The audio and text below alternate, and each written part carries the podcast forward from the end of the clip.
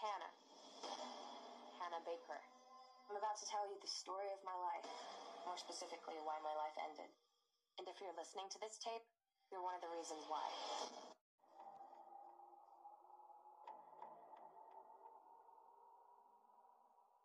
Sziasztok, Barbie vagyok, ma ismét egy ajánlóval készültem nektek, ma viszont nem egy filmről, hanem a 13 okon vagy című sorozatról szeretnék mesélni.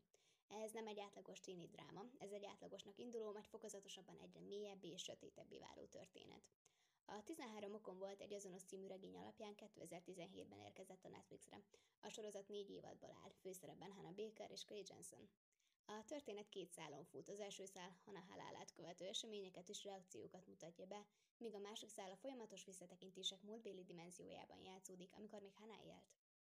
Már a történet eleje elég megrázó lehet egyesek számára, hiszen kiderül, hogy Hana öngyilkos lett. De mielőtt meghal, felvesz hét kazettát 13 történettel, amik azokról az eseményekről, és főként emberekről és tetteikről szólnak, amik Hana döntéséhez vezettek. A kazettákat a rajtuk szereplőknek meg kell hallgatni szép sorban, vagy ha nem, ezek nyilvánosságra kerülnek. Így kerültek el Clayhez is a kazetták, aki elképzelni nem tudja, hogy mit tett Hanával, hogy felkerült ezekre, hiszen ő volt Hana szinte egyetlen barátja. Míg a többiek akár egy éjszak alatt is végighallgatták a történeteket, Clay nagyon lassan halad vele, szinte már idegesítően lassan. Nem Clay kapta meg először a kazettákat, és Hannah kérésére tovább kell adnia, miután meghallgatta őket.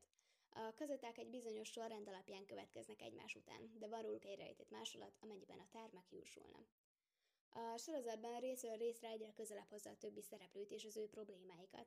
Ezzel picit úgymond szerethetőbbé teszi őket, annak ellenére, hogy mindeközben tudjuk, ők Hana halálának kiváltó okai. Mindenki szemszögéből bemutatkozik a valóság. A sorozatban szinte mindenki felelős a történtekért. A diákok, a tanárok, a szülők, és persze maga Hannah sem makulátlan. Az ő rosszul meghozott döntéseit is kiemeli a sorozat. Az első évadban erre a 13-okra derül fény.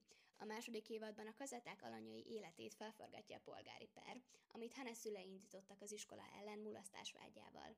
A harmadik évad egy újabb bűncselekményt mutat be, a negyedik évadban pedig újra előkerülnek a régi bűntények és feltépődnek a régi sebek a szereplők számára.